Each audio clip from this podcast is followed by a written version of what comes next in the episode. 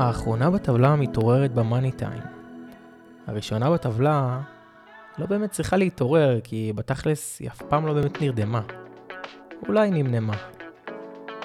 הפלייאופים של ליגת העל נפתחו, ואיתם גם הפרק העשירי והחגיגי שלנו. מתחילים.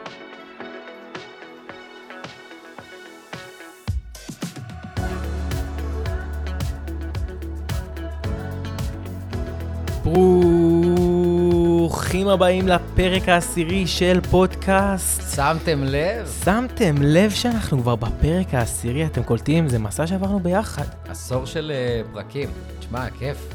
אני מרגיש כאילו, uh, עכשיו אנחנו גם נכנסים כאילו לפלייאוף של הפודקאסט. עכשיו אנחנו במאני טיים, וגם קבוצות הליגה מבינות שזה המאני טיים, ואתה רואה... מתעוררות. שהזמן להיות יצירתיים ולעשות יש מאין, אם זה דן ביטון שניצח משחק למכבי, אם זה אנסה שכבר קברת אותו ושוב עם שער ניצחון. אה, בקיצור, הרבה הפתעות, כיף להיות פה כבר בפרק עשירי, ו- וכיף שבחרנו את זה דווקא העונה, חזי, כי באמת עונה מעניינת, האליפות עדיין פתוחה, מאבק הירידה תוסס מתמיד, כיף גדול. באמת מחזור מעולה, וכיף שהפלייאוף התחיל, העניין רק, רק מתגבר. וואי, וואי, וואי, וואי, וואי. תשמע, אנחנו רואים פה קבוצות קמות לתחייה, מתעוררות על החיים שלהן. השאלה אם זה, אתה יודע, בדיליי מסוים. יכול להיות שלחלק זה מאוחר מדי, אבל זה כל היופי, אנחנו לא יודעים, כי גם הכל כל כך צפוף בתחתית, והכל, הכל פתוח. מי, ש, מי שעכשיו במומנטום ותשמר אותו, אם זה במאבק האליפות, מכבי חיפה שבמומנטום לא רע עכשיו, אה, גם באר שבע, אה, אם זה במאבק הירידה של ריינה בתנופה מטורפת, מי שתנצל את המומנטום ותהיה יצירתית, כמו מכבי, שעוד הפסד זה כנראה היה סופי ביותר, הנה, הביאה את דן ביטון מהכובע וניצח משחק. מי שעכשיו תחשוב מחוץ לקופסה ותנצל את הריצה שלה, יכול להיות שזה לא יהיה מאוחר מדי בשבילה, והכל פתוח. הכל פתוח, אבל אנחנו ממש עוד שנייה גולשים למשחק בדקה, אבל לפני כן אני רוצה ככה להדגיש, הפעם אנחנו נעשה את זה פעמיים, כי בא לי ככה שניתן בוסט לסושיאל שלנו. אנחנו נמצאים באינסטגרם, אנחנו נמצאים בפייסבוק, אנחנו נמצאים בכלל הפלטפורמות של הפודקאסטים, אז שם אתם גם יכולים למצוא אותנו, וטיפ שלי ככה אליכם, תנו בעוקב, בספוטיפיי, בכל, בכל פלטפורמה שבא לכם, תעשו את העוקב הזה, זה פשוט יעדכן אתכם אוטומטית כשהפרק עולה. תעשו לעצמכם טובה, נראה לי שזה יעזור לכם. תהיו ראשונים, ככה אתם יודעים, יש לנו את תחושת הפומו הזאת שתמיד אה, ככה סביבנו, נכון אלעד? מכיר את המושג כן, הזה כן, פומו? כן, כן, כן. Fear of אה, missing out. בדיוק, אז, אז יאללה, יאללה, תהיו ראשונים לכל דבר, אנחנו סומכים עליכם, אנחנו שם, מחכים ללייקים ולעוקבים ומתחילים. המשחק בדקה, הפועל באר שבע, הפועל ירושלים. טוב, זה הולך להיות באמת בדקה, כי ראינו פה רק שער אחד במשחק הזה. אמנם כלימאלה מבאר שבע סיכן את השער בהזדמנויות שונות, אה, גם במשחק בנגיעה הראשונה, אגב, ראינו ממנו את היכולת הזאת, שלדעתי לא מובנת מאליה בליגת העל. אה, בכל מקרה, באר שבע לא השכילה לכבוש עוד uh, עד תוספת הזמן של המחצית הראשונה, ששם גורדנה מצא את אנסה בכדור עומק. מעולה, פשוט מעולה. הוא ראה אותו שם, איכשהו שחררו גם לגורדנה מקום, זה, לא, זה משהו שלא קרה כל כך במהלך המשחק, שמרו אותו די סבבה. שחררו אותו, הוא מצא את אנסה בכדור מעולה, היה שם כבר בתוך הרחבה אם אני לא טועה. בקיצור, שחקן הכנף הכניע את אדלי בבעיטה חזקה לפינה הרחוקה, ומלבד השער הזה ראינו עוד שער לבאר שבע, אבל הוא נפסל. פאון מבאר שבע מסר בדקה ה-78 כדור חכם לשאפי שהיה ברחבה ועשה תנועה אחורנית קצת. הרוסי בעט בעוצמה לפינה הימנית והכניס את זה, אבל uh, נאי לודה ניגש לבר לאחר שעדכנו אותו כי בררו נגע בידו בתחילת המהלך. בדיעבד, אגב, לירן ליאני התבטא בנושא, יצא לך לראות את הפוסט שלו? Mm-hmm. הוא בעצם אמר שפסילת שער היא הגיונית רק במידה והאקט וה... הלא תקין, היה חלק מהמהלך. ופה בעצם, לדעתו לפחות, האקט הזה לא היה חלק מהמה... מהמהלך, בגלל שלאחר מכן הוא, הכדור חזר אחורה, ואז בעצם מהרגע של החזרה לאחור, כן, התחיל מהלך חדש. מה שליאני ניסה לחדד זה שלא נוצר פה איזשהו יתרון, איזשהו בניית מהלך בזכות היד, בניגוד לצורך העניין רומרטו בטדי, שמסר אה, מסירת מפתח נהדרת עם היד.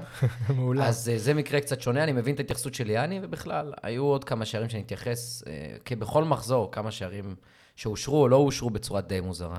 מה, מה דעתך על המשחק הזה, אבל בכללי? תשמע, סך הכל באר שבע באה לנצח את המשחק. היא יצרה עשרה יומים, שלושה למסגרת, ירושלים יצרה שישה, שניים למסגרת, החזקת כדור באר שבע שלטה יותר, 54% החזקה בכדור. וזה בסוף סיפור המחציות, כי כל קבוצה באה לשחק מחצית, ובאר שבע את המחצית שלה שיחקה יותר טוב. למה אני מתכוון? יש פה נתון אחד שאני אתן לך. אה, באר שבע במחצית הראשונה אימה תשעה איומים ושלושה למסגרת. במחצית הראשונה של הפועל ירושלים, איום ואפס למסגרת. לעומת זאת, באר שבע במחצית הראשונה, היא עשתה איום ואפס למסגרת, והפועל ירושלים עשתה חמש, חמישה איומים ושניים למסגרת. כל קבוצה שיחקה מחצית, והמחצית של באר שבע פשוט הייתה טובה יותר. ובשנייה היא עמדה הגנתית טוב כדי לשמר את הראשונה. זה הכל. משחק בסדר, פושר, אה, אבל באר שבע ראו שהיא בבית, ראו שהיא שולטת במשחק, והיא גם ניצחה אותו בצדק. ראינו שזיו אריה התבטא בסוף המשחק, והוא אמר שהוא הרס לשחקנים שלו או משהו כזה. כן, הת, התבטאות קצת מוזרה, נראה לי שהוא התכוון לשיטת המשחק. הפועל ירושלים במחצית הראשונה הייתה אוויר, ממש אפס יציאה. גם היציאות של המעברים, שבדרך כלל עשה טוב, היה ממש לא איכותי. בחצי השני הוא, ניס, הוא הכניס שלושה שחקנים במחצית, זה לא היה מספיק בשביל לעשות את השינוי, ושיטת המשחק שלו פה, תוכנית המשחק לא עבדה, ואולי לזה הוא התכוון. הפועל ירושלים הפסידה את המשחק הזה מוקדם מדי, מאיך שהיא נראתה. חבל לירושלים, אחלה כן. לבאר שבע. כן, אז, אה, כן. גם יש פה אחלה נתון בזכוכית. הפועל באר שבע מצליחה לנצח פעם נוספת תוך כדי שהיא שומרת על שער נקי. זאת הפעם ה-14 העונה שבאר שבע מסיימת משחק עם שער נקי. אנחנו רואים פה קבוצה שמצליחה בכל פעם מחדש בעצם להסתכל על ה... לתסכל, סליחה, את היריבה שלה.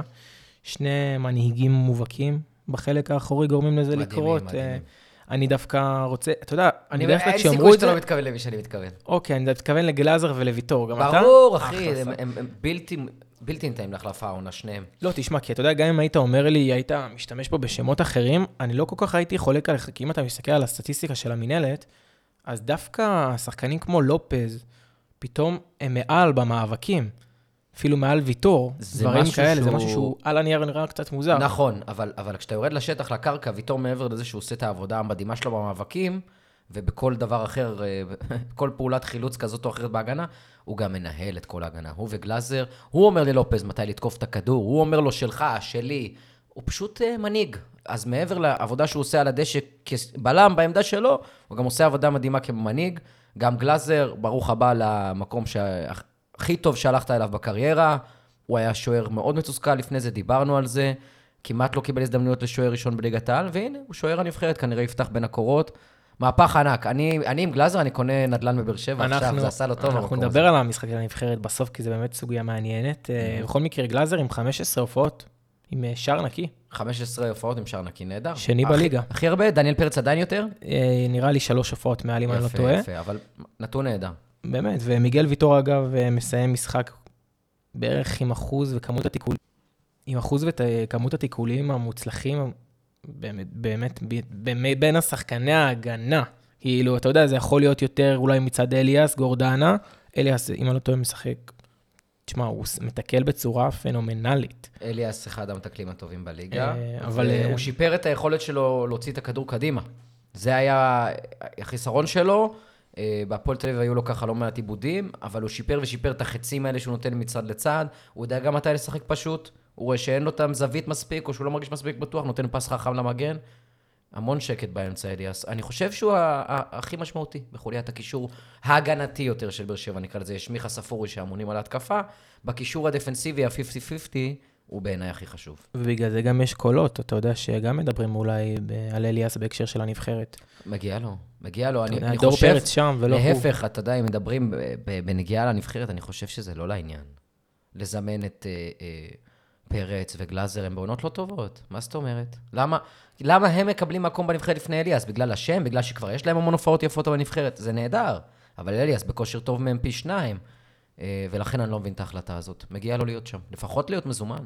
אם נעמוד במטרה שלנו ונצליח לעשות את הפרק הזה בשעה, אז אנחנו נקדיש לא מעט זמן ככה בשביל לדבר על הנבחרת, אוקיי? אה, ואגב, חוץ ממה שדיברנו על ויטור וגלאזר, יש גם את עניין האחריות. ככה זה קפץ לי מהסטטיסטיקה של המינהלת. מבין 20 השחקנים המובילים בעיבודי כדור בחצי הקבוצה שלהם, לבאר שבע אין נציג אחד. זה עוד איזשהו אלמנט שמראה על זה שברדה יודע להחזיק קבוצה, הוא יודע להחזיק קבוצה ממושמעת. ואחראית. ואחראית, זה האופי שלו, זה בצלמו ובדמותו, כנראה שהוא נותן בראש באימונים על עיבודים חסרי אחריות, והשחקנים לומדים גם להיזהר, וגם כשאתה מלמד את זה באימונים, אתה נותן חלופות. לשחקן תחת לחץ, כנראה עובדים על זה, על להיות תחת לחץ, איך יוצאים מלחץ, באר שבע עושה את זה מאוד יפה העונה, והקרדיט הוא לברדה. ויש מגיע גם. לברדה? דווקא לא. אני רוצה לתת יש מגיע שלילי, אבל זה דווקא בגלל שהרמנו לו מהמם. הרבה בזמן האחרון, מהמם. אבל גם כשצריך אנחנו שמים את האצבע על דברים פחות טובים. מה יהיה עם גיא בדש? תשמע, חשוב להתחיל מזה שגיא בדש התמודד במשחק הזה על הקו בעיקר נגד אלדר לופז, שהגיע למשחק הזה, אתה יודע, אחרי איזושהי טראומה שהוא עבר. משמע, הוא לא אמור להגיע בשיאו, נגיד את זה ככה. אה, אמרתי במשחקים האחרונים שכשהפועל ירושלים משחקת על גיא בדש, דברים טובים קורים. יכול להיות שטעיתי. הוא קיבל את הכדור הכי הרבה פעמים מבין שחקני הקישור אה, סלש התקפה, 42 כדורים, והוא סיפק כדור מפתח אחד בלבד. הוא גם רך ולא מרוכז, כאילו זאת איזושהי נקודה. 78 אחוזי דיוק במסירות, השני הכי גרוע מבין השחקנים שפתחו את המשחק אתמול, ואפילו לא איום אחד לשער. אתה זוכר שאנחנו ראינו אותו במשחקים הקודמים, כן מנסה לאיים ומצליח לעשות את זה בצורה מעולה. הוא אפילו לא ניסה לעשות את זה פעם אחת במשחק הזה, שזה קצת מוזר. אה, וגם אמרתי שהוא רך, אז הכי הרבה עיבודי כדור מבין שחקני הפועל ירושלים, עשרה. רק 52 אחוזים במאבקים ורק שני חילוצי כדור, די, אני מפסיק עם השיימינג, בקיצור. אבל אה, בדש, צריך להתעורר קצת, לא? כן, כן, בדש צריך בעיקר לשמור על יציבות, וצריך להבין כשחקן יצירתי, שכשלא הולך, צריך לשחק יותר פשוט, צריך להגיד, גם לא היו לו הרבה, מה שנקרא, שותפים לשלום במשחק הזה, הרבה אנשים שיכלו לעזור לו בהתקפה, אבל בדש צריך לשמור על יציבות, וכשפחות הולך, לא כל יום פורים, לא כל יום צמד מול מכבי תוך שלוש דקות, צריך לחזור לפעולות יותר פשוטות. ומילה אחרונה על באר שבע, ידידי אנסה, עד סוף העונה זה יהיה המאבק. זה כמו איזה אקסית, או, או בת זוג, שאתה, שאתה מאוד אוהב אותה, אני אוהב אותה בכל רמה חבר, אני יודע שאנחנו לא מתאימים, אבל אני יודע שאנחנו לא מתאימים, וכל הפנים של הזוגיות הם טובים, את, אם אתה מבין למה אני מתכוון, אבל אני יודע שאנחנו לא טובים אחד לשני, ועד סוף העונה בשביל אנסה זה יהיה המאבק בין אה, המחויבות והרצון, לבין אה, היכולת עד הסוף, אתה יודע, כי כשאנסה מצליח לתרגם את זה למספרים, אז הוא מספיק טוב. כשהוא מפוזר, אז לא, ואני חושב שלבאר שבע יש החלטה קשה אם להשאיר אותו או לא. וואו, אתה יודע, הרבה זמן לא הייתה לי החלטה קלה, אבל אני לא אומר עם קברניטי המועדון, אולי יש חוצפני, הוא סיבה. מנצח למשחקים. טוב, אנחנו... נחיה ונראה. אנחנו עוברים למכבי תל אביב ומכבי נתניה. אז, כשהיא יודעת כבר שבאר שבע ניצחה במשחק שפתח את המחזור, מכבי תל אביב אירחה את מכבי נתניה למפגש לא פשוט בכלל מבחינת החניכים של אה, קרנקה. אגב, אירוח, מכבי דאגה גם לארח את דן ביטון בהרכב, אחרי הרבה זמן שלא. אה, ההחלטה לפתוח עם אה, ביטון התבררה כמוצלחת מאוד, תשמע. בדקה ה-30, השחקן הזה קיבל את המושכות, לבעוט בעיטה חופשית ממרחק של לפחות 30 מטרים לדעתי. הבעיטה שלו הלכה בצורה עוצמתית לחיבור הימני של איתמר ניצן, שאפילו לא זינק. הוא סוג של ניסה כזה ללכת על הצד, אבל אפילו לא קפץ. שער פסיכי לדן ביטון, והיה אפשר לראות על הפרצוף שלו כמה הוא היה מסופק מזה שהוא הוכיח למקבלי ההחלטות מה הם הפסידו עד עכשיו. אה, זה לא נגמר שם מבחינת ביטון. בדקה ה-37 הקשר התקדם עם הכדור באגף ימין ובמסירת צ'יפ אומנותית. במסירת צ'יפ אומנותית בישל ערן זהבי שחיכה בקצה רחבת החמש.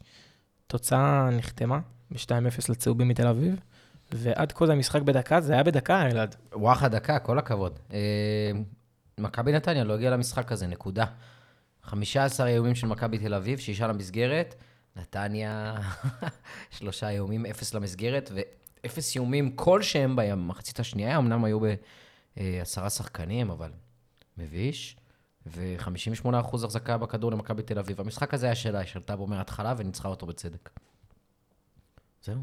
וואו, אתה המעטת במילים, אבל כל אחת הייתה חודרת. כן, כן, כן, אחי. שלושה יומים כל המשחק, מכבי נתניה, מה עובר עליכם? אפס למסגרת, כאילו אי אפשר ככה לעשות שום דבר. גם ניסו שלוש מסירות מפתח, אפס, הצליחו אפס. מכבי ניסתה 12 מסירות מפתח, הצליחה שמונה. אני לא אקח לך עוד נתונים, אבל אה, אחי, זה שקוף. מכבי תל אביב פשוט באה ורצתה לשחק כדורגל וגם שיחקה כדורגל מצוין. מכבי נתניה, מישהו היה במגרש ויכול להעיד שהיא הייתה על הדשא? כי אני לא רואה פה לפי הנתונים שהיא הייתה במשחק הזה. אז זהו, אז היה מישהו שלא היה במגרש, זה אז לטנוביץ', שלא היה בסגל. אביב אברהם לא שיחק, ו... או שהוא שיחק קצת, אם אני לא טועה, ורוטמן לא פתח, הוא שיחק איזה 20 דקות, רוטמן. אז אה, תשמע, פעמיים ברציפות שמכבי כן, רוטמן נתניה... 27 דקות, ואביב אברהם גם צריך 27 דקות. כן. זהו, זה הנתון בזכות שלי מתייחס לזה שפעמיים ברציפות נתניה אה, מפסידה בלי לכבוש שער. זה משהו שלא קרה מאז חודש דצמבר, פעמיים ברציפות, שכמה זה קרה נגד מכבי חיפה. חשבנו שנתניה תחזור למסלול, אבל אה, משהו השתבש בדרך. תשמע, זה לא רק שהיא לא כבשה, זה שהיא לא סיכנה את המסגרת. מתי זה קרה בפעם האחרונה העונה? אתה יודע? מתי? תספר לי. זה לא קרה העונה.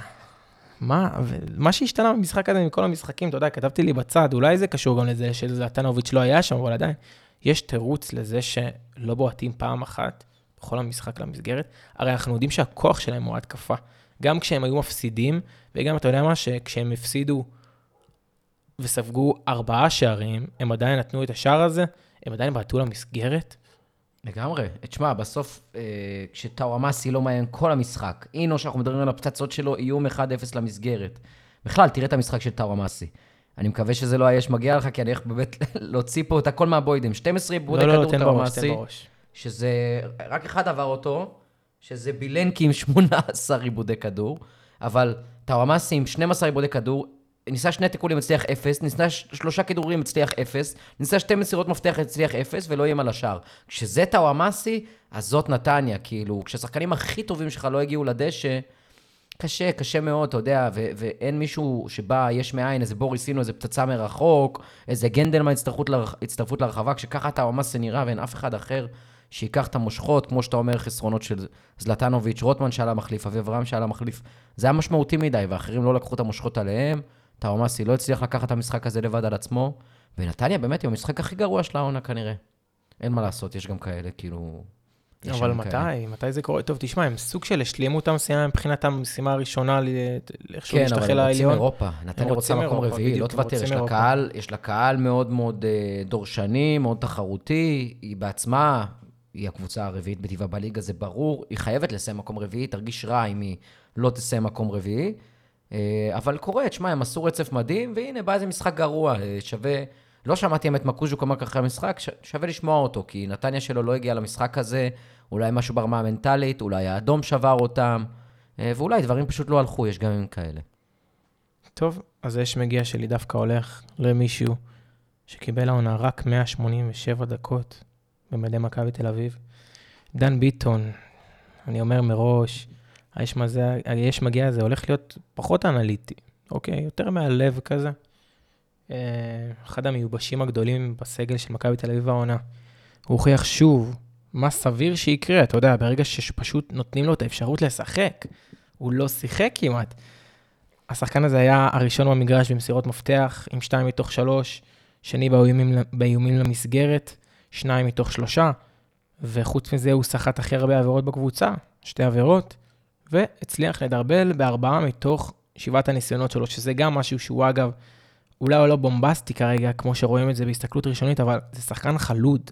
אוקיי, בואו נתייחס לזה שמדובר פה בבן אדם חלוד, שעשה את הדברים האלה. הוא, הוא תשמע, לא, לא יודע איך זה, לא יודע איך הוא הצליח לעשות את זה. אה, אז אה, בתור שחקן בית של הפועל באר שבע, לשעבר, קשה לי שלא להסתכל עליו אחרת. בכל זאת הוא בין הבודדים שהתפתחו להיות משהו מהמחלקה הזאת. אני חייב להודות שהייתה לי שמחה, אבל גם צביטה בלב כשהוא כבש, כי לדעתי הוא צריך לעזוב. נתחיל מהשורה התחתונה. אה, על פי האתר של המינהלת, נכון לרגע זה, בשתי העונות האחרונות הוא קיבל במצטבר בדיוק 1,600 דקות, בדיוק. זה כל כך קצת, ומרגיש בעיקר לא פייר. אם אנחנו ניקח את אייל גולסה לדוגמה, שנגיד בערך על אותה משבצת, שהוא הרבה פחות מוכשר ומשכנע, והוא גם מבוגר, מעבר לשיא לכל, לכל הדעות לדעתי. הוא קיבל בשתי העונות האחרונות כמעט 2,200 דקות, 600 יותר מביטון. איך זה הגיוני? איך ההיגיון של המאמנים שם עובד? אני מת לדעת. הפדיחה עם ביטון הייתה בעונה שעברה, כי נתנו לו לשחק ופתאום הוא ייצר רצף של כמה משחקים, והוא היה אחד הכי טובים במכבי. אחד השחקנים הכי טובים במכבי, אם לא בליגה, פתאום אה, הוא הפך להיות הנשק הכי קטלני שלה, וקבוצות אחרות פחדו לקראת המפגשים ביניהם. הוא נתן בישול פשוט מבריק בדרבי, את זה אני לא אשכח, עם העקב. ומשהו שם קרה בדרך, איביץ' קיבע אותו, אה, אה, בייחוד בתחילת העונה הזאת, איביץ' גמר אותו. ותשמע, זה מוציא שחקנים מכושר, אני לא... והנה, מכבי תל אביב משתמשת בו והוא מנצח למשחק. אז משהו הזוי שם, או שהוא מתאמן נוראי, למרות שלא נראה לי, או שסתם מאמנים, אה, לא יודע, ראו שחקן טכני מדי, אולי אה, קטן ממדים, חשבו שהוא רך, לא יודע מה. בסופו של דבר, דן ביטון הוא אחד השחקנים הכי טכניים בליגה, אחד הקשרים הכי יצירתיים. הוא חייב לשחק בקבוצה בליגה בהרכב. לא יכול להיות שבמכבי תל אביב הוא מקבל פירורים של דקות, ואני מסכים איתך, אם זה המצב, הוא צריך בקיץ פשוט לקום וללכת. ואנחנו נאחל לו בהצלחה מפה, כי אנחנו עוברים למשחק הבא, וגם הוא יעבור למשחק הבא, ונקווה שהוא ייצר יציבות. מגיע לדן לשחק. ייתנו לו את המושכות. אני מקווה, תשמע, יש קשה- איזושהי תחושה כזאת שזה לא משנה מה שהוא יעשה. אני אגיד לך מה, קרנקה אה, אה, אה, בבעיה. לא הולך לו. אז קרנקה צריך את כל מי שיכול לעזור עכשיו, וביטון ניצח לו משחק. לדעתי קרנקה ילך איתו במשחקים הבאים. בואו נראה אם דן יצליח לשמור על יציבות. טוב, טוב, טוב. הפועל חדרה, סקציה נס ציונה. שתי הקבוצות שרוצות לשרוד עוד עונה בליגת העל נפגשות למפגש מסקרן במיוחד באצטדיון נתניה. במחצית הראשונה לא ראינו בכלל שערים, אבל במחצית השנייה קיבלנו פיצוי עם שלושה כאלה. זה התחיל בדקה 48. בטוקיו שחרר כדור רוחב מאגף שמאל, אשר לרגל של אילי טרוסט. מושל, גם- אני לא טועה, הוא עדיין מושל מבאר שבע שכבר רכשו אותו. שאלה טובה. מעניין. נבדוק לך את זה. אה, בכל מקרה, שער יפהפה בנגיעה הראשונה. בדקה ה-54, חדרה הוכיחה שהיא לא מוותרת, ברגע שנוי במחלוקת. עידו לוי, שאלה דיבר עליו לא מעט בפרק הקודם, נגע, נגח בכדור ברחבת נס ציונה, הכדור נכנס, אבל היה נראה כאילו, לפחות לפי התנועות גוף של סיסא, שהוא דחק את הכדור פנימה, סוג שניסה להסיט אותו במעט. אה, למרות שהיה נראה שהוא רצה לעשות את זה, סיסא פשוט הרים ידיים והודיע כי הוא לא נגע בכדור כזה, כזה אתם- יודעים, כמו שפורץ כזה נכנס לבנק ומנסה לשדוד, לא עשיתי כלום, לא עשיתי כלום, הכל בסדר. הדבר נבדק בVAR, ולבסוף השער אושר. אחת-אחת. עידו לוי, שדיברת עליו בפעם הקודמת, עושה את זה. אה, אגב, בנוגע להילה, יש לך את הנתון? כן, בטח. אה, אילי טרוסט, שים לב לזה. מ-2017 הוא שייך להפועל באר שבע, עבר עונת השאלה בבני לוד, עונת השאלה בהפועל עפולה, עונת השאלה בסקציה, ודי. בקיץ האחרון העברה חופשית לנס ציונה. אה, באר שבע כנראה לא מספיק החזיקה ממנו. עצרת באחד-אחד. מה הוא... זהו, אוקיי, אוקיי, אוקיי, זהו, נקטע לי באמת, נקטע לי. אה, אה. בדקה ה-68 קיבלנו את הגורד הסיום, של מי אם לא? הסטויאנוב, לא אומר כבר, אני כבר לא אומר יוני סטויאנוב, זה ה. אוקיי, מעכשיו זה ה. אז השחקן שנמצא בעונה נפלאה וכנראה הולך לחזור בעונה הבאה להפועל באר שבע מהדלת הראשית, הוא קיבל את הכדור באגף ימין, עבר שני שחקנים בדריבל ברזילאי לכל דבר ובעט בין שלושה שחקנים ושוער, הישר לרשת. אחלה שער של יוני סטויאנוב, תשמע, הוא רק צובר לעצמו נכסים לאט לאט. לגמרי. אה, נתייחס בקצרה לשני אה, שערים משמעותיים פה. שער שוויון של חדרה, אני מחדד כאן משהו, גם לשופטים הנחמדים. זה לא משנה אם הוא נגע או לא. החוקה אומרת, ניסה לשחק בכדור, ניסה להתערב במהלך. סיסא, אין יותר ניסה מזה. הוריד את הראש, ניסה להחליק את זה לפינה, לוודא שזה נכנס. זה נקרא ניסה לשחק בכדור. הוא היה, מ- הוא היה מעורב במהלך, הוא ניסה לשחק בכדור, ולכן זה היה צריך להיפסל, השער הזה. לגבי השער של סטויאנוב, שער מדהים, ואני תכף אדבר עליו עוד, אבל uh, לעשות שני דריבלים כאלה ברחבה, הוא נתן שם טיק טק על שני שחקנים. זה היה נראה ועוד- כל כך קל.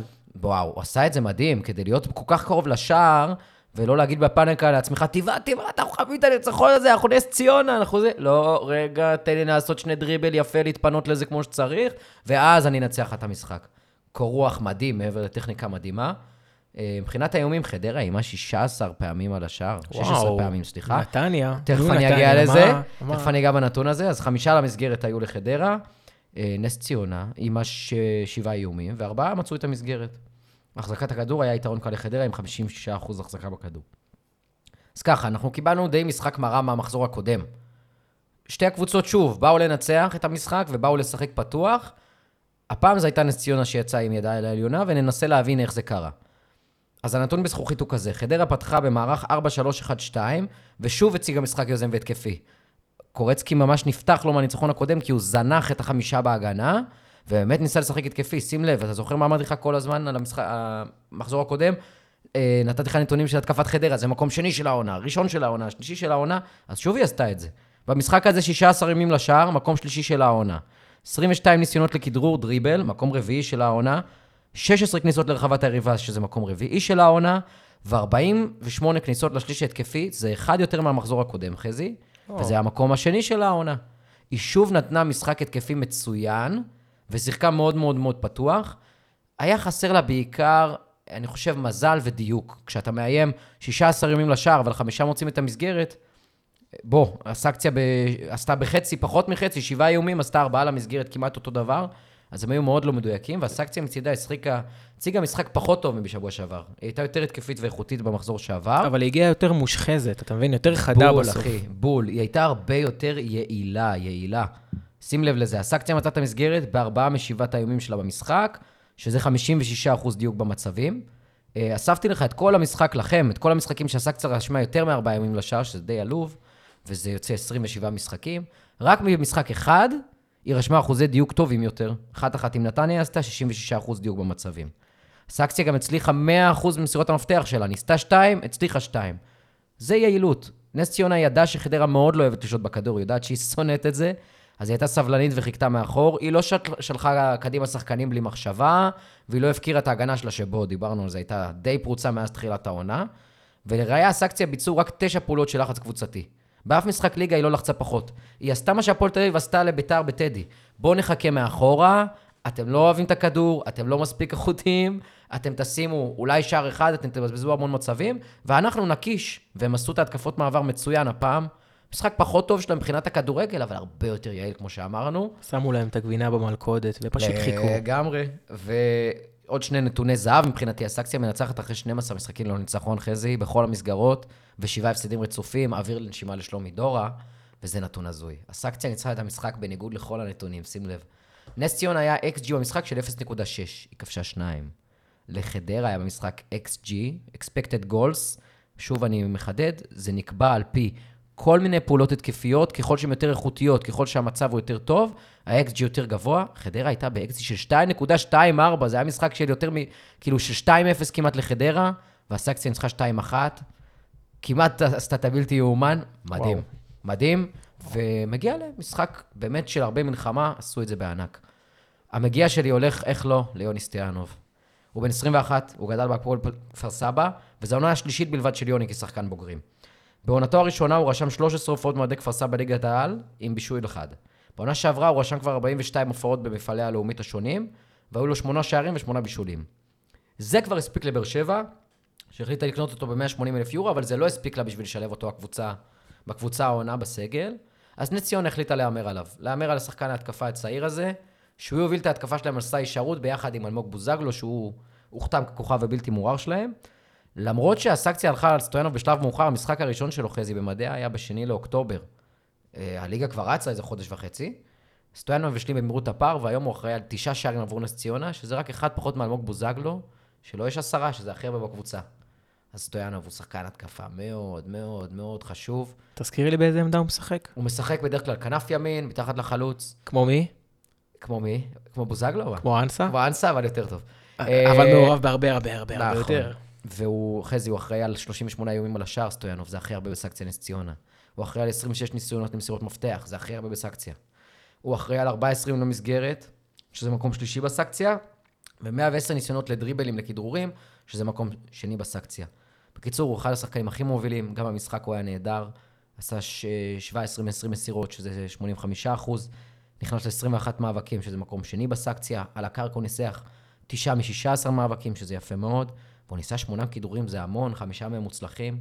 סטויאנוב הוא שחקן מאוד יצירתי, מאוד איכותי, ונס ציונה בלעדיו כבר כנראה הייתה יורדת. טוב, היא עדיין תרד אולי כנראה, גם איתו, ונראה, אבל- אבל הוא. לא אשם. אם- אם הם יישארו, יהיה לו חלק גדול. ברור, חלק מרכזי. אמ, ומכאן למשחק המרכזי. אה, לא, זה לא המשחק המרכזי, ביתר הפועל. רגע, מה היה? המשחק? איך זה? עוד פעם זה לא המשחק המרכזי. אלעד? פעם שנייה ברציפות שאתם לא המשחק המרכזי. בסדר, לא רוצים, לא? צריך. לא, תגיד את ה- האמת, מעליב. לא, לא, כי, כי אני, אני לא מתעסק מספיק בפוליטיקה הזאת, עם מה משודר פה, מה משודר שם. אני בכל מקרה במגרש, ביציע, אבל uh, כן, כאילו, כ- כזה. אנחנו נכון שאנחנו פלייאוף תחתון, אבל זה משחק בפרופיל גבוה, אז זה היריבות הרבה יותר גדולה מחיפה אשדוד, אבל כנראה במנהלת חושבים, או לא יודע מי מקבל את ההחלטות על השיבוצים, שיותר מעניין לראות uh, מקום מאבק האליפות. בסדר. טוב, כשהיא רוצה להחזיר להפועל תל אביב על הניצחון הקודם בטדי, אירחה בית"ר, אירחה בית"ר שוב את שחקניו של סילבס למשחק לוהט. המשחק הזה נפתח עם אירוע ביזארי במיוחד. בדקה 48 ביטון הרים כדור מאגף ימין. עמית כהן מביתר ניסה להוריד את הכדור לסילבה על מנת שיתפוס, אבל במקום זה יצא לו כדור קשתי כזה, קשתי כזה שהכניע את סילבה ונכנס לרשת. 1-0, סילבה לא הבין מה קרה שם, אבל ביתר לא הרימה ידיים. בדקה ה-61, מורוזוב קיבל כדור באגף ימין, חתך פנימה ושלח טיל אדיר, פשוט אדיר. ניפץ שם את החיבור השמאלי של סילבה, של זובס. של, של אה, זובה, סליחה, כולם צריכים ללכת לראות את השער הזה. תגיד לי, זה מגן? הוא מגן. הוא אתה קולט שהוא מגן, מגן? והוא שמאלי, שער מפתיע. הוא מגן שמאלי, ומה שהבנתי, הרגל החזקה שלו היא דווקא ימין, שזה עוד משהו שהוא די מפתיע. ובליגה שלנו אנחנו לא מכירים נכון, את זה כל כך. נכון. אמ, זה לא הסתיים שם מבחינת בית"ר, היא המשיכה ללחוץ, ובדקה ה-82, אספריה הבלתי מנוצח פרץ באגף ימין ושחרר כדור רוחב לתמיר עדי שבעט בנגיעה לפינה הקרובה. בית"ר משלימה מהפך ומחזירה להפועל למשחק הקודם. כן, נקמה ספורטיבית. אה, ביתר קיבלה דחיפה יפה מהקהל שלה, ותכף ניכנס לנתונים ונבין שלביתר הגיעה לנצח את המשחק הזה ביג טיים. היו לה 20 איומים במשחק, זה המון. תשעה היו למסגרת, 11 איומים של הפועל, שניים למסגרת, עלוב. 59 אחוזי החזקה בכדור לביתר, שמן הסתם שלטה, זה גם מה שהפועל רצתה. לא רצתה להחזיק בכדור, הפועל רצתה איכשהו לשחזר את מה שקרה במשחק הקודם, אבל זה, זה לא לא אותו קורה משחק, פעמיים, מה זה- לעשות, לא כל יום פורים. אה, אז ככה, הנתון בזכוכית שלנו, הפועל הגיע במשחק לארבע מסירות מפתח מוצלחות. זה הכי הרבה שלה מזה 11 משחקים. היא גם יצרה 11 איומים על השער, ובכל זאת רק שניים מצאו את המסגרת, היא לא באמת הגיעה לשום מצב מסוכן אחרי זה. אני אומר לך בתור אחד שהיה באיצטדיון, היא לא הגיעה באמת לשום מצב מסוכן. גם השער שכבשה הפועל תל אביב, היה מגול עצמי די אומלל, עמית כהן שלא משחק הרבה העונה ולא בכושר, באמת עם גול עצמי הזוי, ברמת הלופז. הפועל ניסתה במשחק ת- 19 פעולות דריבל, רק במשחק אחד העונה היא ניסתה פחות, והפועל גם נכנסה 18 פעמים לחוות ביתר, הכי הרבה שלה מאז המחזור ה-19. אז למה כל אלה לא עבדו? כאילו, אתה יודע, ארבע מסירות מפתח מוצלחות זה הרבה, מזה 11 משחקים. אה, 11 איומים על השער זה לא מעט בשביל הפועל. להיכנס 18 פעמים לרחבת ביתר, הכי הרבה שלה מאז המחזור התשיעי. כל אלה אמורים היו לעבוד, להראות כן משהו התקפי. גם אנחנו יודעים שהבלמים, ההגנה של בית"ר היא לא הכי מוכשרת נכון. בליגה, אז אם אתה כבר מגיע למצב הזה, עשית שלושת רבעי העבודה לגמרי. מסכים איתך. אה, אז הפועל תל אביב הייתה אמורה, על הנייר, לפי הנתונים האלה, לתת איזשהו משחק התקפי לא רע, אבל משהו אחר דפק לה את המקל בגלגלים. כאילו להפועל תל אביב מספיק קצרות העונה, עכשיו היא גם הפכה לקבוצה לא איכותית, אה, לא איכותית, סליחה, היא הייתה, אבל לקבוצה לא, לא קבוצתית. השלישייה ההתקפית שלה הייתה פשוט אנוכית, בקטע הזוי. גאנם וליוס חיפשו רק לכבוש כל הזמן. אה, אושבולט היה נראה שם אבוד. לגאנם היו שבעה איומים במשחק מתוך 11 של הפועל תל אביב, שניים מצאו את המסגרת. תשמע, זה, הם ניסו לקחת על עצמם בכוח, בכוח. אתה רואה שהם מגיעים למצבים, וליוס מנסה דריבל וללכת ראש בקיר על השער במקום להכניס כדור. גאנם משתלט יפה עם הגב אל השער ולא מוריד לאף אחד, מנסה להסתובב ולבעוט לפינה. הם היו נורא אנוכיים, וכמו שאמרנו על הקישור, המון, על הקישור האנמי של הפועל תל אביב, הוא לא הצליח לנווט את, אה, אתה יודע, את כובד המשחק, לייצר צירופים, לייצר קבוצתיות. זה היה אינדיבידואל. זה היה למסור כדור עומק לאחד מהשחקנים ההתקפיים, והוא היה עושה פעולה לבד. כל אחד רצה להיות גיבור המשחק בעצם. לגמרי, ומצד שני, אי אפשר, בלי קבוצתיות, בלי צירופים, עם כזאת אנוכיות, כאילו, אתם גם ככה לא איכותיים, אז גם להיות אגואיסטים ליד השער. אתה יודע, מצבים שהגיעו לצ... לרחבה, עומר סניור שלה מחליף, הגיע פעמיים לתוך הרחבה ב... בתוך תוספת הזמן, ומנסה לכדרר עוד כדרור, וזה, תן איזה רוחב מסוכן, תן בעיטה שתפגע במישהו.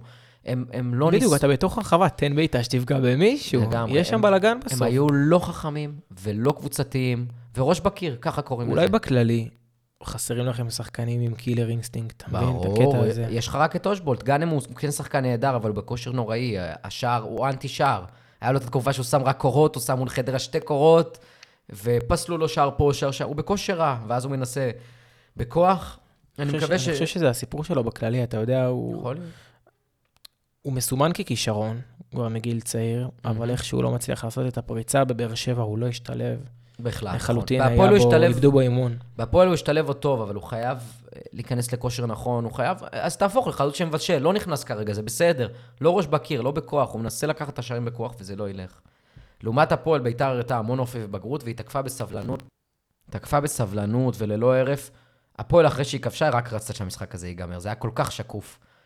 ביתר רשמה במשחק הזה 20 איומים לשער חזי, אף משחק העונה היא לא רשמה כמות כזאת. אף משחק. ביתר אמרה, המשחק הזה שלנו, עוד מצב, עוד מצב, עוד איום, עד שזה ייכנס, עד שזה ינצח. זו הפעם השלישית בלבד העונה חזי שביתר הופכת פיגור לניצחון. והנה הנתון הכי משמעותי, זו הפעם הראשונה העונה שביתר מנצחת משחק בלי שער מהשלישייה התקפית מהטריו. דנילו. אספריה, יוני קולסקו ושועה. פעם ראשונה שהיא מנצחת משחק בלי שהם כובשים. ונגד מי. ונגד מי קורים כל הדברים התקדימיים?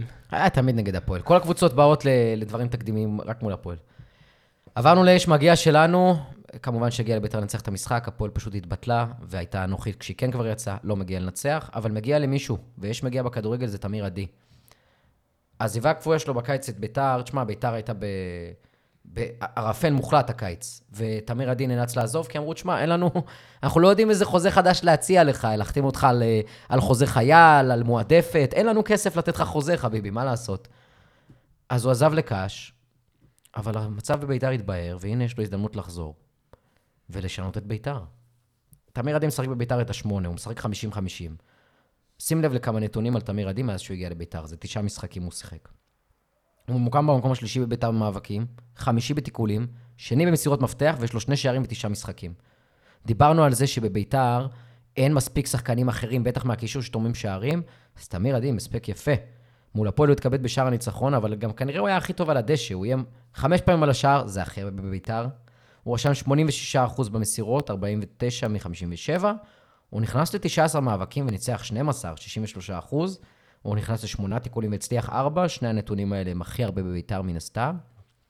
ואפילו כדרר פעם אחת בהצלחה. תמיר עדי, זה בדיוק 50-50 מה שתיארת אחי בול, בשני צידי המגרש. הוא החוליה החסרה שהייתה לביתר בחצי הראשון של העונה, הוא שחקן שעובד בשני צידי המגרש. הוא גם יודע לשלוט באמצע, לחלק כדורים, לעשות עבודה הגנתית ועבודה מסק... מסכלת, עם תיקולים, עם מיקומים, למנוע מההגנה לעבוד קשה, הוא יודע שההגנה שלו לא טובה. ומעבר לעבודה הגנתית והסיכולים, נקרא לזה, שעבודה מאוד חשובה שעושה לקבוצה שלו, לא פחות חשוב מזה, הוא יודע לתמוך בהתקפה. הוא יודע להצטרף בקו שני, הוא יודע לייצר שערים עבור ביתר מהקישור, וככה הוא ניצח את המשחק הטעון הזה בטדי, והביא לביתר את הנקמה הספורטיבית שאיחלה לה. תמיר עדי זה בדיוק מה שהייתה צריכה, בינגו. ו- וביתר זה המקום שלו, אם אני תמיר, חותם חוזה ארוך שם, משהו שם מתחבר, באנרגיות, בזה, מתאים לו. זהו, גם יש שם עכשיו ביטחון כלכלי, זה כבר לגמרי. סיטואציה אחרת. טוב, אנחנו בבני סכנין, בני ריינה, הדרבי של המגזר. איזה דרבי. אז דרבי המגזר סיפק לנו את המשחק הרווי בשערים של המחזור. בדקה ה-39, קוסטה. עבר שני, בשני שחקנים, אני פשוט כבר כל פעם אומר את השם שלו ויודע מה הולך לקרות לאחר. ברור. הוא עבר שני שחקנים, אבל נבלם בשלישי. אבל ההרחקה של השחקן של סכנין הגיעה ללואי אה, חילף או חלף? לואי חילף. חילף, שנכנס כמה רגעים לפני כן. בכל זאת, בכל מקרה הוא בעט צ'יפ והכניס את זה מעל קנדיל. בדקה 49 יש קונטרה מהצד השני. אבו דוסו עבר שחקן אחד ונכנס לרחבת סכנין. כשעקף את השחקן השני, הוא הוכשל ברגע האחרון על ידי הניסית מריינה, ותשמע, אנחנו עוד פעם רואים שאבו דוסו מעורב, מעורב, מעורב, הוא באמת אולי צריך פשוט לשחק בכנף. אני אגע באבו דוסו. מסכים. פלומה ניגש לבעוט הפנדל, כבש, בעיטה רכה לפינה השמאלית, הספיקה לו בשביל להשלים את המשימה. הוא עשה את זה, אבל רגע, אמרנו שהיו פה הרבה שערים. בדקה ה-83, זה התחיל מחדש. פוליץ' קיבל כדור קרן והכניס בנגיחה עוצמתית את הכדור לפינה הקרובה. משחק ראש פסיכי של הבלם. לריינה יש אופי, הרבה יותר אופי ממה שאנחנו חושבים. אני חושב דווקא שאבל על ריינה, אנחנו כן דיברנו על, על האופי שלה בדקות האחרונות. ברור. היה, נגענו התייחסתי בנקודה הזאת. לזה, על השערים שהיא כובשת ב-20 דקות האחרונות. אה, מרבית שערים. זהו, בדקה ה-94, חלילה חלף, נגח כדור, נגח כדור שפגע ביד של שחקן סכנין, גרינפלד הורה לבעוט- פנדל, מי בעט? קוסטה, עוד פעם. ההונגרי השתמש ברגל שמאל החדש שלו, בעט לפינה השמאלית התחתונה של השער, הכניע את קנדיל, איכשהו מגיע יותר ויותר לסיטואציות האלה של פנדל בדקה האחרונה של המשחק. אני אגע בזה. זה לא פעם ראשונה שלו, נכון. לא רק הוא. יש לו קור רוח. כן, קוסטה, טוב. אני, מה- מהתוכנית הקודמת, אה, די, זה הספיק לי, הפנדל הזה, קוסטה יישאר בליגת העל. לדעתי, כן. אין סיכוי שלא... כן ריינה, לא ריינה, ישאירו אותו. הוא פשוט מאוד משמעותי, אחי. כל שער שקוסטה כבש היה שווה נקודות לריינה. ויש לו, אם אני לא טועה, כבר חמישה, הוא פה איזה חמישה משחקים, זה הזוי. כל אחת מהקבוצות רשמה תשעה איומים וארבעה למסגרת. החזקת הכדור היה יתרון קל לסכנין, שהחזיקה בו 58% בכדור, אה, מהזמן בכדור. בכל זאת, משחק בית, וגם זה מה שריינה בגדול רצתה. אז ככה, הנתון שלנו בזכוכית התייחס לאופי של שתי הקבוצות בעיקר, הנתונים שלנו. זו הפעם השלישית בלבד העונה, שריינה לא מפסידה שלושה משחקים ברציפות. ברצפים הקודמים לא הפסידה שלושה משחקים ברציפות, היו לה פעם אחת ברצף אחד חמש נקודות, וברצף אחר שלוש נקודות. זה משלושה משחקים. הפעם יש לה שבע נקודות מתשע אפשריות ברצף הזה, וזה אומר חזי שזה רצף המשחקים הכי טוב של ריינה העונה, שלושת המשחקים האחרונים. בדיוק בזמן. מהמם. וזה המשחק התשיעי של ריינה העונה, שנקלט לפיגור ולא מפסידה. קשה לרדת ככה, אופי נהדר. באמת, אתם רוצים לרדת? קשה ככה, חבר'ה, תשתפו פעולה. אתם תשע פעמים בפיגור ולא מפסידים, זה לא אופי של אה, יורדת. וזה השער השלישי של ריינה העונה, בתוספת הזמן, כולם הביאו נקודות. לא היה איזה שער שהוא מצמק כזה דרדלה. איזה יופי. עכשיו דיברנו על הפנדלים, שים לב. ריינה קיבלה עונה שבעה פנדלים. הכניסה מתוכם שלושה. מתוך שבעת הפנדלים, ארבעה פנדלים היו בתוספת הזמן, חזי. אבל מתוך הארבעה האלה שנבעטו בתוספת הזמן, רק שניים נכנסו. מי בעט את השניים האלה? קוסטה. בר קוסטה. אז כשהוא נמצא וכשהוא בועט פנדל וכשצריך מישהו קרוח, הוא האיש, וריינה למדה את זה כבר מהמשחק ההוא שהוא כבש פנדל בתוספת הזמן, והנה הוא מציב, מביא לה תיקו מאוד חשוב, מאוד מלחיץ, מאוד קשה. אגב, אבל צריך להגיד משהו בנוגע לפנדלים. אה, הצפת פה עכשיו משהו מעניין, כי אנחנו הרבה פעמים שומעים את הבעלים של הקבוצות הקטנות מתלוננים על זה שלא נותנים להם מספיק כבוד.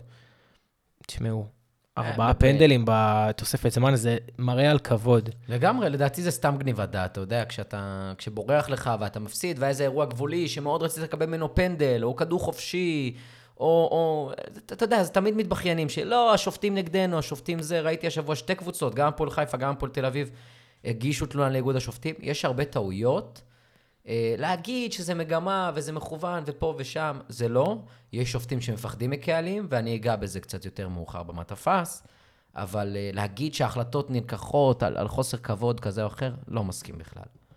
עכשיו ניגע בסכנין, חסרת האופי לצערי. זה הפעם השמינית העונה שסכנין שומטת יתרון ומפספסת ניצחון. סכנין ספגה 32 שערי חובה עונה בליגה, 13 מהם היו ב-20 הדקות האחרונות, זה 40 אחוז, חזי. סכנין נופלת מהרגליים בסוף, אולי זה משהו מנטלי, אולי כושר, אה, אבל, אבל זה קרה לה גם הפעם, משחק שהיא יחסית שלטה בו וכולי, הנה הוא ברח לה בין הידיים, ומכל הכבוד לריינה על האופי, מגיע לה, ועוד יותר מגיע למאמן שלה, שרון מימר.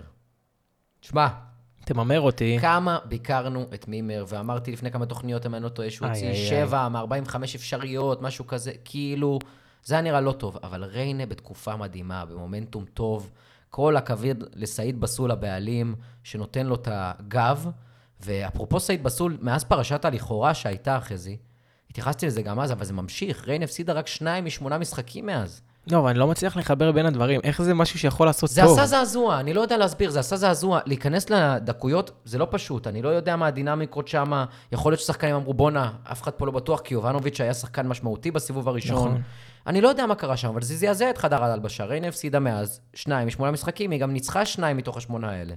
לפני הפרשה, היו לריינה 15 נקודות מ-19 מחזורים, היו לה אה, 16 שערי זכות ו-34 שערי חובה.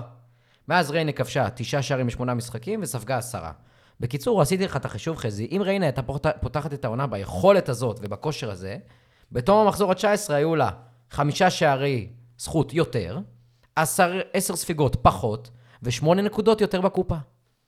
אם היא הייתה פותחת את העונה ברצף הזה, היא הייתה ב... היא הייתה סכנין של היום. היא הייתה בצמרת הפלייאוף התחתון, ולא נלחמת על הירידה. אגב, סכנין אה, מציגה פה נתונים של קבוצה שאמורה לרדת ליגה. מסכים איתך. במאה אחוז. היא בעיקר הייתה לא יציבה עונה, ליד משחקים נהדרים, היא נותנת משחקים כאלה וחסרי אופי. יש לה מזל שיש לה סגל איכותי, וכן, מאמן מנוסה. בקיצור, ריינה בריצה חסרת תקדים, ואם היא תמשיך ככה, המקום שהיא נמצאת בו עכשיו, שזה שלוש נקודות ביטחון מהקו, ושתיים מהפועל תל אביב, שכבר במקום ה-11, אז המקום הזה הוא יהיה רק תחנת ביניים בדרך למעלה. קשה לי לראות אותה יורדת עם כושר כזה, עם יכולת כזאת. אנחנו ממשיכים. פועל חיפה, קאש. הפועל חיפה, שבטוחה בהישארות שלה בליגה, פגשה את עירוני קריית שמונה שלא בטוחה בכלל בכך שהיא מצליחה לשרוד את העונה הזאת. אה, 40 שניות מתחילת המחצית השנייה, ראינו את השער שפתח את המשחק. פרץ העביר מסירה לקרנג'י באגף ימין. השחקן זיהה שקמרה מחכה על סף הרחבה, מסר לו קטנה, וקמרה, כמו אומן בנגיעה, בועט לפינה הקרובה ומתסכל את ברט קוש שעוד ניסה לזנק ולעצור את זה איכשהו, לא הצליח כמו שאנחנו יודעים. קמרה חגג כמו ירלינג גלנד, אחרי הגול. אלעד, אולי יש שם איזשהו קשר דם, אנחנו לא יודעים עליו. דומים. דומים ממש. דומים כמה ואהלן. בדקה ה-60 מגיע שער השוויון של קריית שמונה, כדור קרן הגיע לבן בנישתי שניסה לבעוט מהאוויר, פגש את החזה של מזרחי ונכנס, תוך שהוא משנה לגמרי את הכיוון, לשוער לא היה מה לעשות. בכל מקרה זה חוסר מזל נוראי של אה, מזרחי. המשחק הזה היה, היה קרוב להכרעה. בדקה ה-73 יוספי פרץ באמצע ומצא את קמרה בכדור עומק נפלא. החלוץ חתם את המהלך בצ'יפ מאלברט קוש, אבל השער הנפסל בגלל פאול שנוי במחלוקת של אלחמיד בתחילת המהלך. המשחק נחתם באחת אחת, ובדאגה עבור דראפיץ' שחייב להתחיל לנצח. עכשיו, בנוגע לפאול שהיה שם, פה זה באמת היה בתחילת המהלך, אבל זה קצת שנוי במחלוקת בנוגע לרמת החיכוך שם שהיה נכון. בטאקל. התייחסנו לזה הקודם, שכביכול לא ייצר את המהלך, לא השפיע על המהלך, לא נתן יתרון לבניית המהלך. פה זה כן נתן, ועדיין, לדעתי, זה שער חוקי. קמרה היה צריך לנצח את המשחק עם השער הזה, כי זה גבולי. כשזה מאוד גבולי, זה מה שאמרתי בתוכנית הקודמת, שזה מאוד גבולי וזה קצת רך וכולי, לכו עם ההתקפה. הולכים עם ההתקפה, אנחנו רוצים שערים. הפועל חיפה עשתה התקפה נהדרת, וואלה, השופט עמד מטר. עבר צריך להתערב במקרים שהשופט לא רואה טוב. אם השופט עומד מטר והחליט לו לשרוק, בשביל זה אתה שופט, יקירי, עד לפני שנתיים-שלוש, איתך היינו הולכים. ועל זה זה צריך ללכת. אני חושב שהעבר צריך לעשות את השינוי הקטן הזה. אם השופט בעמדה טובה לצפות במהלך וקיבל החלטה, כמו בגמר גביע של אה, הפועל תל אביב ומכבי תל אביב. השופט עמד מטר וראה הייתה איזה נושא גליץ' ואמר תמשיכו, מה זה זה לא אדום? זה לא עבירה. ואז עבר אומר, "אה, פפיר, אנחנו יודעים שעמדת מטר, אבל זה אדום. אז אותו דבר, חבר'ה, השופט עמד במקום טוב, תנו לו את הקרדיט, והשאר הזה היה צריך להיות חוקי. וואו, אה, יכולתי לדבר על הגמר עוד שעות. אה, תשעה ימים של הפועל חיפה, שלושה למסגרת, עשרה של קאש, שניים למסגרת, קאש שלטה מעט יותר בכדור, עם 51 אחוזי החזקה בכדור. אז ככה, קודם כל נתון כמעט חסר תקדים במסירות המפתח מבחינת נתונים בזכוכית. הפועל חיפה ניסתה 16 כאלה במשחק, אחרי זה. 16 מסירות מפתח היא ניסתה, רק במשחק אחד העונה היא ניסתה יותר, אבל הפועל חיפה הייתה קבוצה פחות אינדיבידואלית ויותר קבוצתית במשחק הזה. היא ניסתה רק 16 כדרורים, באף משחק העונה היא לא ניסתה פחות. זה ממש קצת. זה מעט, היא לא ניסתה באף משחק העונה פחות. היא רצתה יותר מסירות צירופים, דיברנו על הפועל תל אביב, שנתנה המון כדרורים, למה? כי כל אחד היה לבד, אגואיסט. פה הייתה קבוצה, זה בדיוק המשחק ההפוך. לגמרי, של. המחזור הזה. לגמרי. וקאש מצידה ניסתה במשחק 19 הגבהות, ב-47 אחוזי הצלחה. רק בשני משחקי ליגה העונה, היא רשמה דיוק יותר טוב בהגבהות, אבל זה לא ממש עבד לה. אז למה? קאש הצליחה לרשום במשחק שני איומים בלבד למסגרת. זה נתון עגום, שמאוד קשה לנצח איתו משחקים, בייחוד ששני המוציאים לפועל העיקריים שלך והכלים ההתקפיים המרכזיים, מוחמד שקר ואיתמר שבירו, 290 דקות ורשמו כל אחד מהם במשחק איום אחד לשער, וגם הוא מחוץ למסגרת. שבירו נכנס במשחק לעשרה מאבקים וניצח שלושה. עשרה מאבקים בכל המשחק, נצח שלושה. שקר לא, נכנס זה- למשחק לשבעה וניצח ארבעה. שקר עוד הצליח כדרור אחד במסירת מפתח מוצלחת, בסדר, אבל גם עבורו זה... אלה נתונים מאוד דלים למשחק שלם. סך הכל יחד איבדו צמד החלוצים 12 כדורים וחילצו שניים. פועל חיפה הייתה יכולה וצריכה לנצח את המשחק הזה, וזה בדיוק מי שעשה את ההבדל בין קבוצה שזה נס שהיא כבשה גול בעיניי, לקבוצה שזה סוג של עוול שהיא לא ניצחה, מי שעשה את ההבדל היה אותה עמדה בצד השני. אה, אז באמת ראינו שקאש, החלוצים שלה פשוט לא הגיעו למשחק, וככה קשה להיות אה, מסוכנים בהתקפה, אבל מי שכן הגיע למשחק זה אותה עמדה בצד השני, ואם יש מגיע בכדורגל, קוראים לו מוחמד קמרה. חלוץ מליבריה, מתי פעם אחרונה היה זר מליבריה בליגת העל? הוא הגיע להפועל חיפה בתחילת העונה הנוכחית במטרה לעשות איזה קפיצת מדרגה בקריירה שלו. כי הוא, הוא כבר בן 25, והוא הספיק לשחק בליגה הראשונה בטורקיה במדעי הטיאספור, אבל למרות זאת הוא התקשה לשמור על יציבות, הוא השאל ממנה פעמיים, אה, בשלוש עונות שהוא היה שם, והוא העמיד סטטיסטיקה בעייתית. העונה הכי טובה בקריירה שלו, חזי, עומדת על ארבעה שערים וארבעה בישולים. אתה חלוץ, יקירי. אתה כבר בכמה הופעות, 25, אתה יודע? בכמה הופעות, אני כבר אביא לך את המדויק. מהשאלה אם זה לא, לא, 30 כזה או זה 20 רשום, הופעות. רשום, עכשיו אני אגיד לך. זה... עכשיו אני אגיד לך כמה הופעות יש לו בליגות. אם, אם זה ב-20 הופעות למשל, אז זה דווקא. כן די תכף מכובד, אני אתן לך- אפשר לא, לא, לא, לא, זה. לא, יש לו, אחי, יש לו המון הופעות, תכף אני אתן לך נתנו לו את המפתחות במשך עונה. שלמה, תכף וזה אני מה אתן שהוא לך את סיפק, אוקיי. ההופעות המדויקות שלו, הוא היה לגמרי מפתחות לעונה שלמה. אני תכף אמצא לך במדויק את אגב, השערים. הוא, אתה יודע, אה, יש עליו דיבור שפועל חיפה השתכנעה לגביו ומחתימים אותו לעוד עונה. בצדק, בצדק. תכף אתה תשמע את הנתונים, הוא היה הכי מסוכן. העונה קמרה הוא במקום השלישי בטבלת הכושבים של הפועל חיפה, יחד עם תורג'מן עם ארבעה שערים, באמתחתו של קמרה גם שני בישולים. ובסך הכל בהפועל חיפה רק לירן סרדל וחנן ממן מעורבים ביותר שערים ממנו בקבוצה העונה. וזו קבוצה התקפית גרועה מאוד. קשה להתבלט בקבוצה כזאת העונה.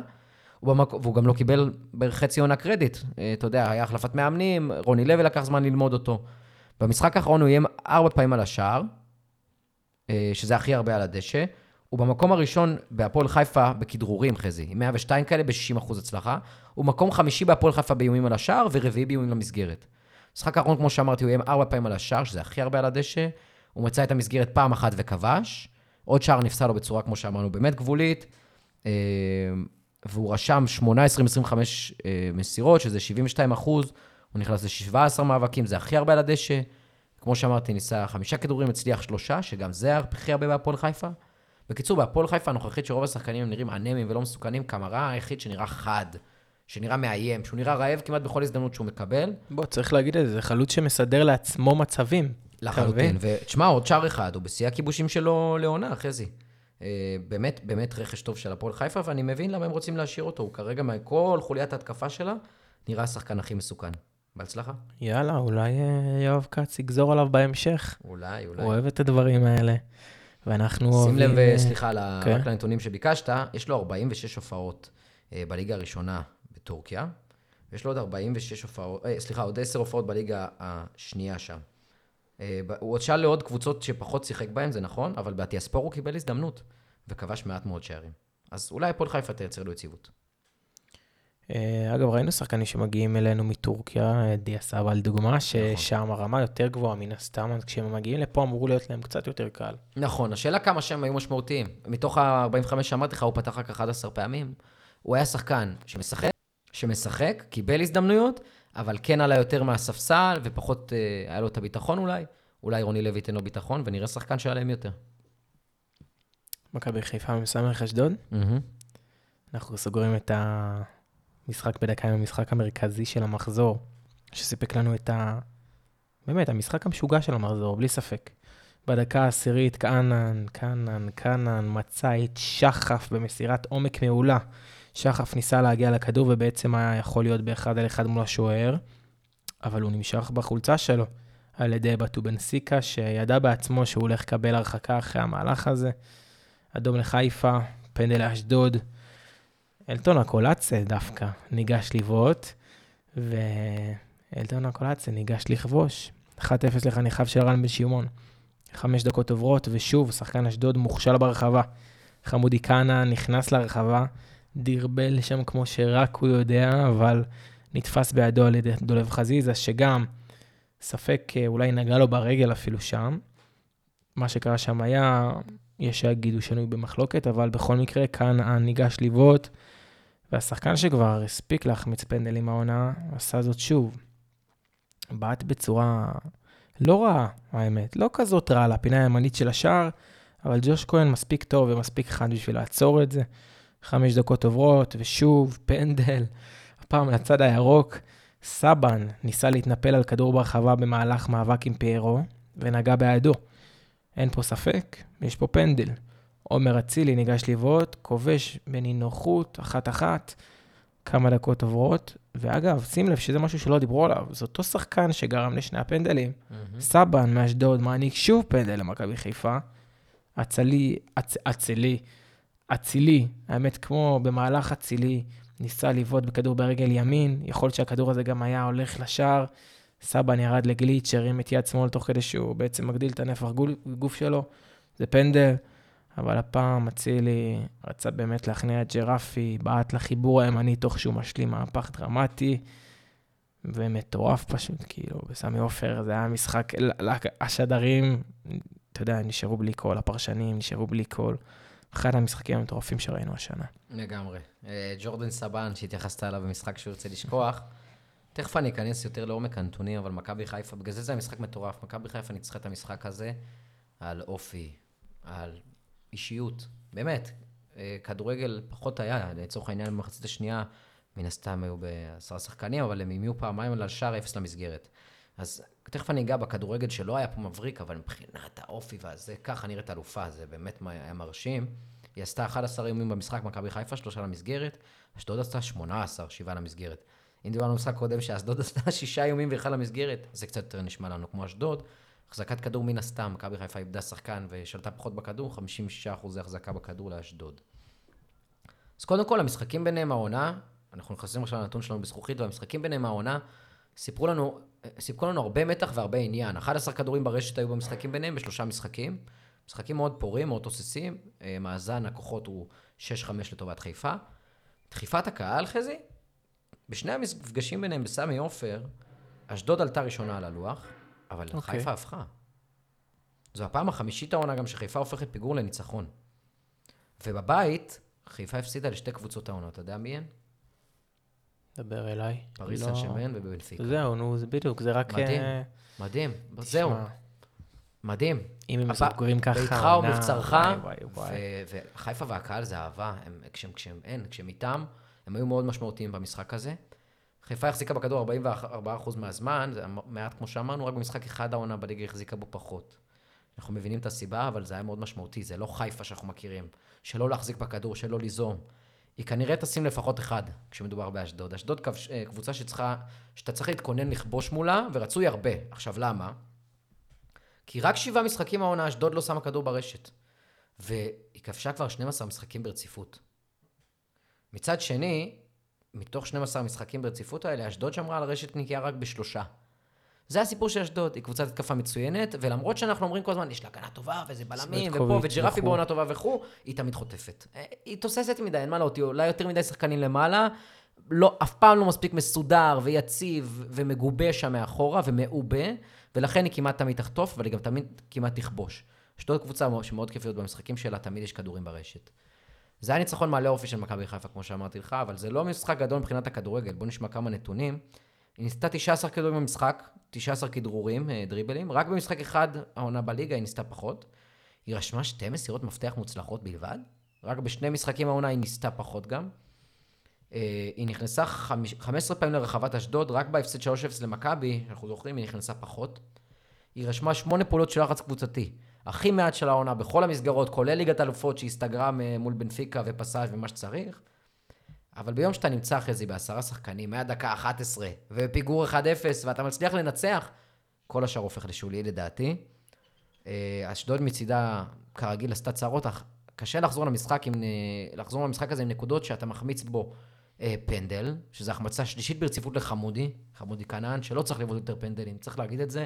לא כל שחקן הוא הכל. הקולציה גם עשה את זה טוב מקודם, אז מסכים? למה? מאיפה לא ההחלטה לא פתאום לשנות? לא יודע, לתת פתאום אה, אה, ביטחון לחמודי, אבל זה לא עובד עם הפנדלים, הוא החמיץ שלושה ברציפות. קשה לה, לחזור עם נקודות שאתה מחמיץ פנדל, ואתה מגיע ל-13 איומים לשער, וחמישה למסגרת במחצית השנייה, בלי לכבוש בשער במחצית השנייה. אתה יודע מה מרגיש לי? שהיה יותר חשוב להם להחזיר את קאנן למשחק, מאשר לנצח את המשחק. יש משהו בזה, אחי, ויכול להיות שזה הפסיד להם את המשחק. מה שעוד הקשה להם זה ג'וש, שהיה ביום גדול, אה, וקשה, עם שש הצלות ועצירת פנדל. אה, אגב, ג'וש, הוא בנפ... בנבחרת? הוא לא בנבחרת עדיין, כי לא מוסדר כל האזרחות וכל השטויות מה? האלה. אבל הוא לגמרי יהודי. הוא יהודי והכל. אני יודע, תשמע, אני יודע שהוא יהודי. אתה יודע איך זה עובד עם תגלית, אתה צריך כמה שנים פה בארץ, אה, תושב ארעי, ככה כן, זה, אחי. צריך לבקר במלונות חינם, זה, זה לא כיף, זה לא כיף, לא, הדרכון שלו גם אצל ינקלה, הוא לא ישחרר לו אותו עד שלא יסתיים הפרויקט, אה, או של מכבי חיפה או של תגלית. הוא ויתר לדעתך, אגב, על ה-MLS, אם כבר מדברים על לא ג'וש? לא חושב שזה מספיק מעניין אותו. ג'וש רוצה לשחק. וג'וש רוצה משכורת טובה, אם מכבי חיפה לדעתי תציע לו חוזה שמנמן ותגיד לו, תשמע, סומכים עליך את השוער הראשון, לדעתי הוא יישאר. אבל אם היו אומרים לך, אתה יכול לשחק ב-MLS, באיזה מיאמי ככה, אתה יודע, מקום שנראה לי קצת יותר כיף לגור בו מאשר חיפה. כל אחד ומה שמפתה אותו, אתה יודע, יש כאלה שמפתה אותם לגור במיאמי והכסף, ויש כאלה שמפתה אותם להופיע בליגת אלופות. בעיניי זה במה יותר גדולה. ואני תכף אסתכל על עוד אחד. אה, טוב ששאלת את זה, כי אני אתייחס בדיוק לזה. אז במשחק שאתה פחות בלם, מהדקה 11 בפיגור 1-0 ומצליח לנצח, כמו שאמרתי, ישר הופך לשולי, ואני חושב שכשדבר כזה קורה, יש קודם כל יש אחד שצריך להסתכל עליו, וזה הבלם שכן נשאר על הדשא, עבדולאי סק. בלם הסנגלי הגיע בקיץ יחד עם חברו שהורחק במשחק האחרון, דילן בטו בן סיקה.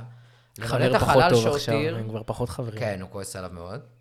לא, הם באו למלא חלל שהותיר מישהו, אתה זוכר מי זה? מי זה? אה, זה הפלניץ', שלא? כן, איך- כן, איך- בוגדל פלניץ', אם כבר דיברנו על אה, חלומות ומיאמי וזה, הוא בחר ללכת אחרי הכסף במפרץ, במקום אחרי החלום להופיע בליגת אלופות. והוא מתחרט. אז בוגדן, מה זה מתחרט? במשחק הראשון שלו שם הוא קרע את הרצועה, וסוג שגמר את העונה. ובחיפה מצד שני כבר שואלים, בוגדן מי? ובאמת מאז מהגעתם של השניים נראה שנשכח במהירות הבור שהותיר הבעלם הסרבי. אבל בניגוד לחברו של עבדולאי אה, דילן, שהוא הורחק במשחק האחרון, ונראה שהדעות עליו בכרמל חלוקות, עוד לא החליטו אם משאירים אותו, עבדולאי הוא מניה בטוחה. הבלם שמחזיק ב-75 הופעות בליגה הבלגית הראשונה, ו-34 הופעות בליגה הנורבגית הראשונה, עומד במקום השני בחיפה בחילוצי כדור. הוא במקום הראשון, חזי, בניצח... באחוזי ניצחון במאבקים, 75 אחוז. הוא מקום שני במאבקי אוויר, ומקום ראשון בניצחון במאבקי אוויר, ביחד עם... אה, לא, עם אף שחקן, עם 79 אחוזי הצלחה. וואו, תשמע. אה, סק עומד במקום השלישי בקבוצה במאבקים הגנתיים, וכמובן, שוב, במקום הראשון בניצח... בניצחונות במאבקי הגנה, כשאחוזי ההצלחה שלו עומדים על 78 אה, אחוז וחצי. עכשיו, מק- עוד נתון על כל הליגה. מכל שחקני ההרכב שפתחו את העונה בליגת העל, אתה יודע, כי כמו מדמון אמרנו, לשחק משחק אחד ולקבל ציון InStat מדהים, או 100% במאבקים, זה לא חוכמה שנכנסת לשלושה מאבקים. נכון. אז לקחתי את כל השחקני הרכב שפתחו את העונה בליגת העל. סק עומד במקום השני בליגה בניצחונות מאבקים, מקום ראשון בליגה בניצחונות במאבקי אוויר, וציון ה InStat שלו, שדיברנו קצת מה הוא מורכב, עומד על 253, שזה ממקם את סק. כמה זה רחוק מסבורית? אז אני אגיד לך, זה רחוק שלושה מקומות. סק ביחד עם uh, דיה סבא, הוא השחקן הרביעי הכי טוב בליגת העל. מכבי. חיפה בצבא למעל. רגע, אז בעצם הוא של- שלושה מקומות מתחת, אבל הוא סבורית הוא השחקן פחות הכי טוב דקות. בליגה על פי הנתונים. הוא שיחק קצת פחות, הוא לא הגיע מאוד מאוחר, הוא הגיע אה, אחרי שלב המוקדמות, הוא הגיע לדעתי אה, סוף אוגוסט, אה, ספטמבר, אולי סבורית היה לו שניים, שלושה משחקים עליו, אבל כן, כאילו אולי הוא מדביקות קצת הפער. אין, הוא אחד השחקנים הכי טובים בליגה, לא רק בלם. וצריך להגיד. זאת העונה הראשונה שלו פה, אתה יודע, יש את העניין הזה של ההתאקלמות, סבורית כבר. התאקלם. אין מה להגיד, אחי, זה בלם על. זה בלם על. יש מצב שבעוד שנה-שנתיים גם נגיד הוא הבלם הכי טוב בליגה. ו- והוא לא יהיה פה, לא, תשמע, הוא גם בנוי ברמה שאתה אומר, די, כמה הוא יכול מפלצת, להישאר מפלצת, פה. מפלצת. הוא, אתה יודע, הנתונים האלה מדברים בעד עצמם, אין אפילו לא מה לצלול לנתונים שלו מהמשחק, הוא פשוט כוכב. באמת, שר ההגנה. טוב, אתה סיימת אה, לשבח את אה, סק? וואו. תשמע, טוב, אני מבין אותך. אה, אנחנו, יש לנו את המה תפס אותי, אתה זוכר את הפינה הזאת? או כן, זכור לי משהו. שזכור לך איזה משהו כזה? אז אנחנו הפעם נעשה את המה תפס אותי, מה תפס אותך, או שהפוך, לא יודע, אין לי בעיה שתתחיל, תתחיל לקריא. ואז מה תפס אתכם. טוב, בכל מקרה, דיברנו על אה, חיפה. אני רוצה לדבר על שחקן שמשחק שם, קוראים לו דיה סבא. אה, דיה דיבר השבוע, אמר שיש סיבה שהוא לא יגיע לנבחרת, אבל לא אמר מהי. אני חושב שזה בעייתי. כשאתה דמות ציבורית, זה פחות לגיטימי לשמור את הסיבות לעצמך ולא לשתף בהן. כמובן, חס וחלילה, אתה יודע, אלא אם כן מדובר במשהו משפחתי, כזה אישי, כזה או אחר. המקורבים של דיה מסרו לערוצי תקשורת שונים שהוא לא מאמין במאמן, לא יודע, זה מה שאני ראיתי לפחות. אני לא בטוח שאני מצליח להבין מה קורה פה, כי יש פה נבחרת שאתה צריך להאמין בה ולהוביל אותה לטורניר גדול, זאת לא... אני לא מבין את הדבר הזה, זאת הזדמנות של פעם בחיים. אתה לא מוותר על זה בגלל אופי של מאמן.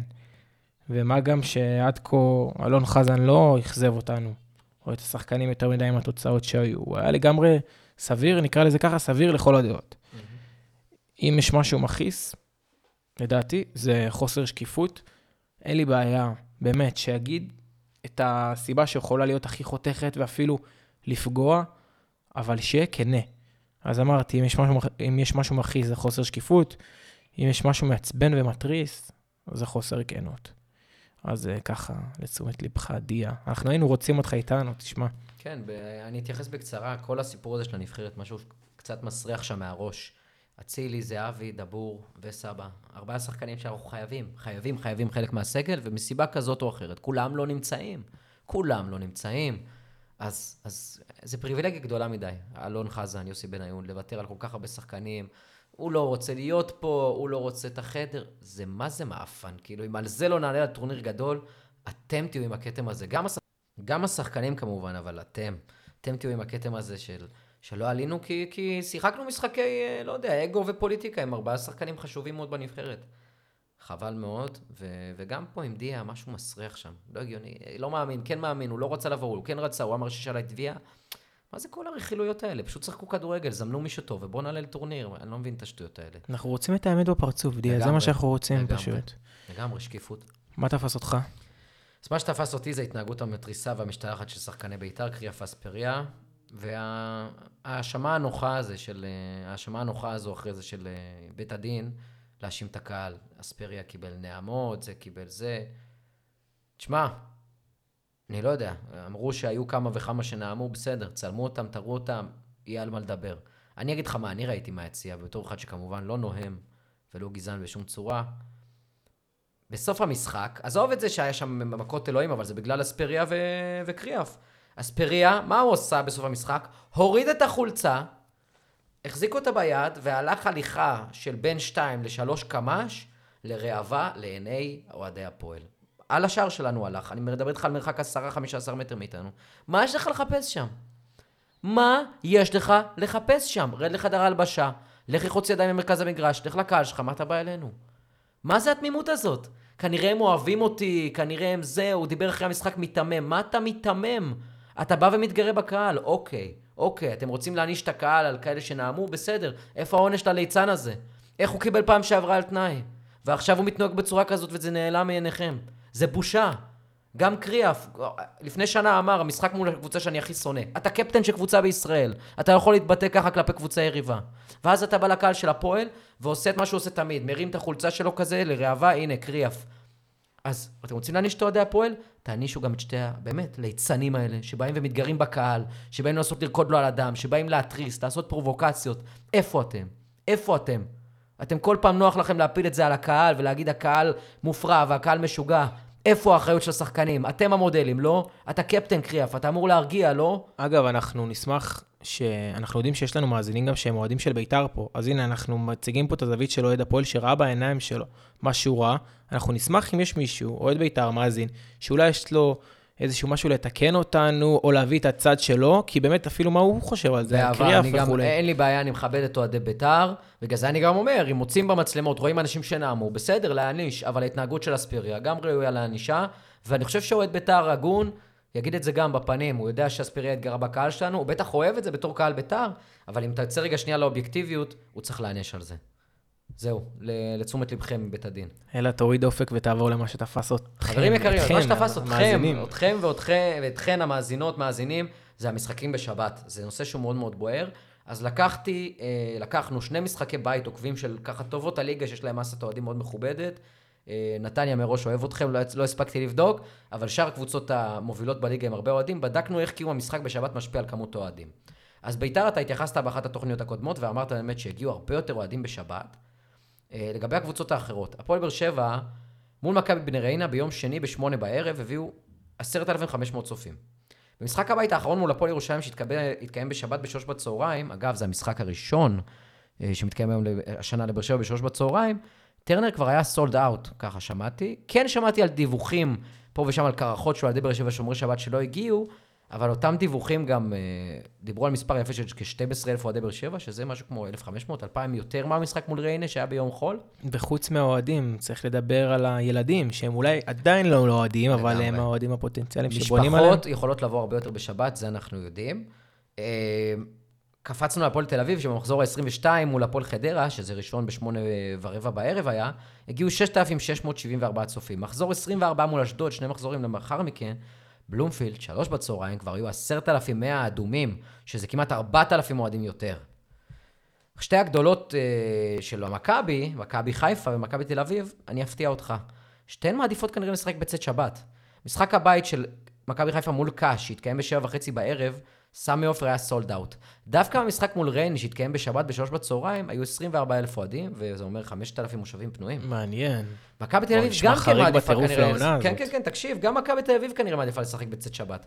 משחק מול סכנין, משחק בית שנערך בדמדומי השבת, מה שנקרא, בחמש וחצי אחרי הצהריים, הגיעו 17 וחצי אלף אוהדים. במשחק הבית מול הפועל ירושלים, שנערך בשבע וחצי בערב, כבר הגיעו 21 וחצי אלף אוהדים, שזה 4,000 אוהדים יותר גם כן.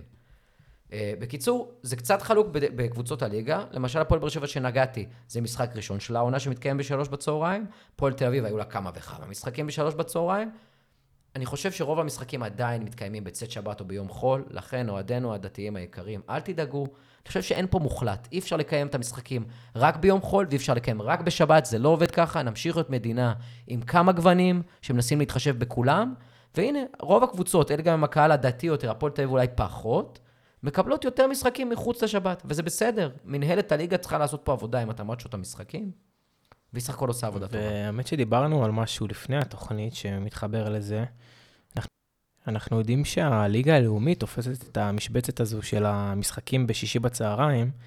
עכשיו, ברור ששישי בצהריים זה יכול להיות חום אימים בקיץ הישראלי, אבל אם אנחנו מדברים על החורף, למה שליגת העל לא תתפוס את זה? ובאמת, בואו נתייחס נגיד לשעה 12, mm-hmm. שזאת שעה שאפילו יכולה להיות נוח לאוהדים מבאר שבע שמגיעים לקריית שמונה. ניקח את הסצנריו הכי קיצוני. Mm-hmm. אה, לא בטוח לגבי כניסת שבת והכול, אבל אתה יודע, תהיה להם נסיעה של ארבע שעות, הם נכון. יספיקו לדעתי. אה, למה לא לעשות את זה? גם דיברנו על הנושא הזה שכניסת שבת זה יכול להיות גבולי, אם רוצים להנדס את זה, אה, צריך באמת להיות חכמים ולראות איך מרכיבים את זה. בעיה שנייה שאני חושב עליה ברגע זה, זה מגרשים. כי אם הלאומית עושים את זה בשישי בצהריים, וליגת העל גם רוצה, צריך לראות איך מסתדרים כל המגרשים. העדיפות היא לליגת העל, אתה יודע. ברור, אבל אז איפה הלאומית ישחקו? זה דברים שצריך לתת עליהם את הדעת.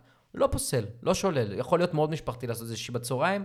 הבעייתיות שקיימת, המשתנה שצריך להתחשב פה זה כניסת השבת. אבל לא רעיון שבהכרח פוסלים על הסף. טוב, אלעד, יש בי בעייתיות שקיימת כרגע, כי אני רואה שאנחנו בדיוק על שעה ו-11 דקות ו-30 שניות, שוברים אוקיי? את השיא, קדימה זה, קדימה. אז uh, אנחנו רוצים לדבר על הכמה ולמה. Mm-hmm. אנחנו סוגרים את התוכנית של היום עם הכמה ולמה. אני חושב שאין פה ספק לאף אחד מהמאזינים מאיזה משחק מרכזי אנחנו מדברים. המשחק המרכזי, מכבי חיפה, הפועל באר שבע. שוט, מה דעתך? מה צופן העתיד? תראה, זה בסמי עופר, ויהיה מלא לחלוטין, מפוצץ. אמ, קשה לי, קשה לי לראות את באר שבע מוציאה נקודות, אני אגיד לך את האמת. כי מכבי חיפה בבית, עם, גם בתקופה יותר טובה שהיא נמצאת, דיברנו על ארבעה-חמישה קוסמים שמשחקים יחד. אה, אני, אני לא רואה את מכבי חיפה לא מנצחת את המשחק, אבל אם באר שבע כן רוצה לנצח את המשחק, היא צריכה לפתוח עם שלישיית קישור גרזנית ביותר, שלושה בולדוזרים, אני הייתי מוותר במשחק הזה דווקא על... אה, לדעתי. על מיכה באמצע? מיכה, כן, כן, כן, לפתוח עם שלושה גרזני הוא על. גם לא מגיע כל כך למשחקים גדולים. נכון, העונה פחות במיוחד. הייתי פותח, אם באר שבע רוצה לנצח, עם שלושה גרזנים באמצע, או להוציא נקודות, שלושה גרזנים באמצע, אם היא תשלוט באמצע, היא תוכל לנטרל אולי את כל הקוסמים הקטנים, אה, ועדיין, אני לא רואה את ברדה פותח ככה, כי הוא ירצה גם לנסות התקפה, ואני, ואני רואה את מכבי חיפה בתנופה טובה, אולי בטרנר באר שבע תוציא תוצאה, תוצאה אחרת, אבל לדעתי בסמי עופר חיפה תנצח 2-0. בכל הקשור למצבת הפצועים, אין יותר מדי. נכון. מידע, ואי אפשר גם לנחש, אבל אנחנו יכולים לקחת בחשבון שכרגע כולם כשירים חוץ מדילן. דילן שמורחק. שון גולדברג, שגם בסימן שאלה, ביקשו לשחרר אותו מה... כן. מהנבחרת, נכון? נכון. סן מנחם לא. שוחרר, גולדברג שוחרר וסן מנחם בפציעה... אבל שון אולי יחזור. שון כבר אולי יחזור. אני חושב שאחת הסיבות שרוצים לשחרר אותו מהנבחרת זה בשביל שהוא. אולי, אבל נראה לי גבולי, גבולי, לא בטוח. אז זה אומר שיש להם חיסרון די דומיננטי באמצע. נכון, נכון, ועדיין רמי הוא כזה ורסטילי, אני מאמין שליד סק זה יעשה את זה. רמי במשחק האחרון לדעתי היה יכול להיות יותר טוב, ראיתי שהוא פינה קצת את, ה... נכון. את הזווית לבעיטה, מה נכון, שלא נכון, היה. נכון. Uh, בכל מקרה, אתה יודע, כולם אומרים שזה המשחק שעשוי לסגור סופית את העונה, אני יכול להבין למה. Uh, ואני חושב ש... מה שלא מדברים עליו זה שברדה כנראה כבר מכין את הקרקע למשחק הזה עוד מלפני חודש. הוא יודע שככה או ככה זה משחק קריטי, בת... קריטי בטירוף. אנחנו חוזים פה בסיטואציה מסקרנת בעצם. תחשוב על זה, יש פה תלמיד שמתמודד ברגע האמת מול המורה שלו, בכר. אמ, באר שבע יכולה להתעודד מזה שחיפה מגיעה עם הגנה חלקית אולי, אבל עדיין, מה שמצוות הירוקים מהכרמל במקום שהם נמצאים בו העונה, זאת בכלל ההתקפה. אז uh, דיברנו על ההגנה בלי סוף, אבל ההתקפה שלהם פשוט אימתנית. והם גם קיבלו עכשיו ידיעה סבא בינואר, אז בכלל היא פסיכית. תידרש פה עליונות רצינית מאוד מצד השחקנים של uh, ברדה, בשביל לצאת עם ניצחון. לצערי הרב, אני בספק שהדבר הזה יקרה. או שזה ייגמר בתיקו עצבני רווי אדומים, או זה, או שפשוט בניצחון צפוי של מכבי חיפה. אה, וואי, קשה לי עם תוצאה ספציפית. לך יש את התוצאה הספציפית כבר כן, בראש? 2-0 אני אמרתי מכבי חיפה. 2-0. ואתה מסכים איתי שאם זה תיקו הזה רווי אדומים, יהיה פה איזה כן, עצבים? אחד- אחד אחד עצבני מאוד. אחד אחד עצבני מאוד. טוב, אתה יודע מה? יאללה, בוא נלך אופטימי אחד כמוך. אחד עצבני, יאללה, עצבני. מאוד. טוב, חברים יקרים, תודה שהייתם איתנו בפרק העשירי של שמתם לב. כן, כן. אנחנו עברנו איתכם דרך ארוכה, כמו שאמרנו, כבר עשרה פרקים. יש כאלו שלא האמינו בנו בהתחלה, לכל המצקצקים, אנחנו רוצים להגיד לכם שתשימו לב, או משהו בסגנון, נחבר את זה לשם כן. כל שלנו. המלעיזים והרשעים, שי הרשע. שימו לב שאנחנו פה, אנחנו רוצים להישאר פה, ואנחנו גם רוצים להתקדם ביחד איתכם, ונשמח שתעזרו לנו בזה. אז שוב, הפלטפורמה, אינסטגרם, פייסבוק, תכתבו שמתם לב, הכל שם. יש שם גם תכנים שלא בהכרח קשורים לפרקים הספציפיים, אז תעקבו, תיחשפו לדברים השונים. אנחנו בכל הפלטפורמות, אתם מוזמנים לשלוח את הקישור של הספוטיפיי, של האפל פודקאסט, מה שבא לכם, לקבוצה עם החברים הקרובים שלכם, כדי שתיתן בוסט לפודקאסט. אנחנו פה בשביל לחדש לכם, אנחנו פה בשביל להביא לכם את הזווית שלא שמו אליה העלב ב- בתקשורת המייסטרים הישראלית. אוהבים אתכם. תודה, אלעד. חברים. מה יש לך להגיד? תודה, דור, ותודה לכם. לחיי פרק 100. לחיי פרק 100. סלמת. סלמת.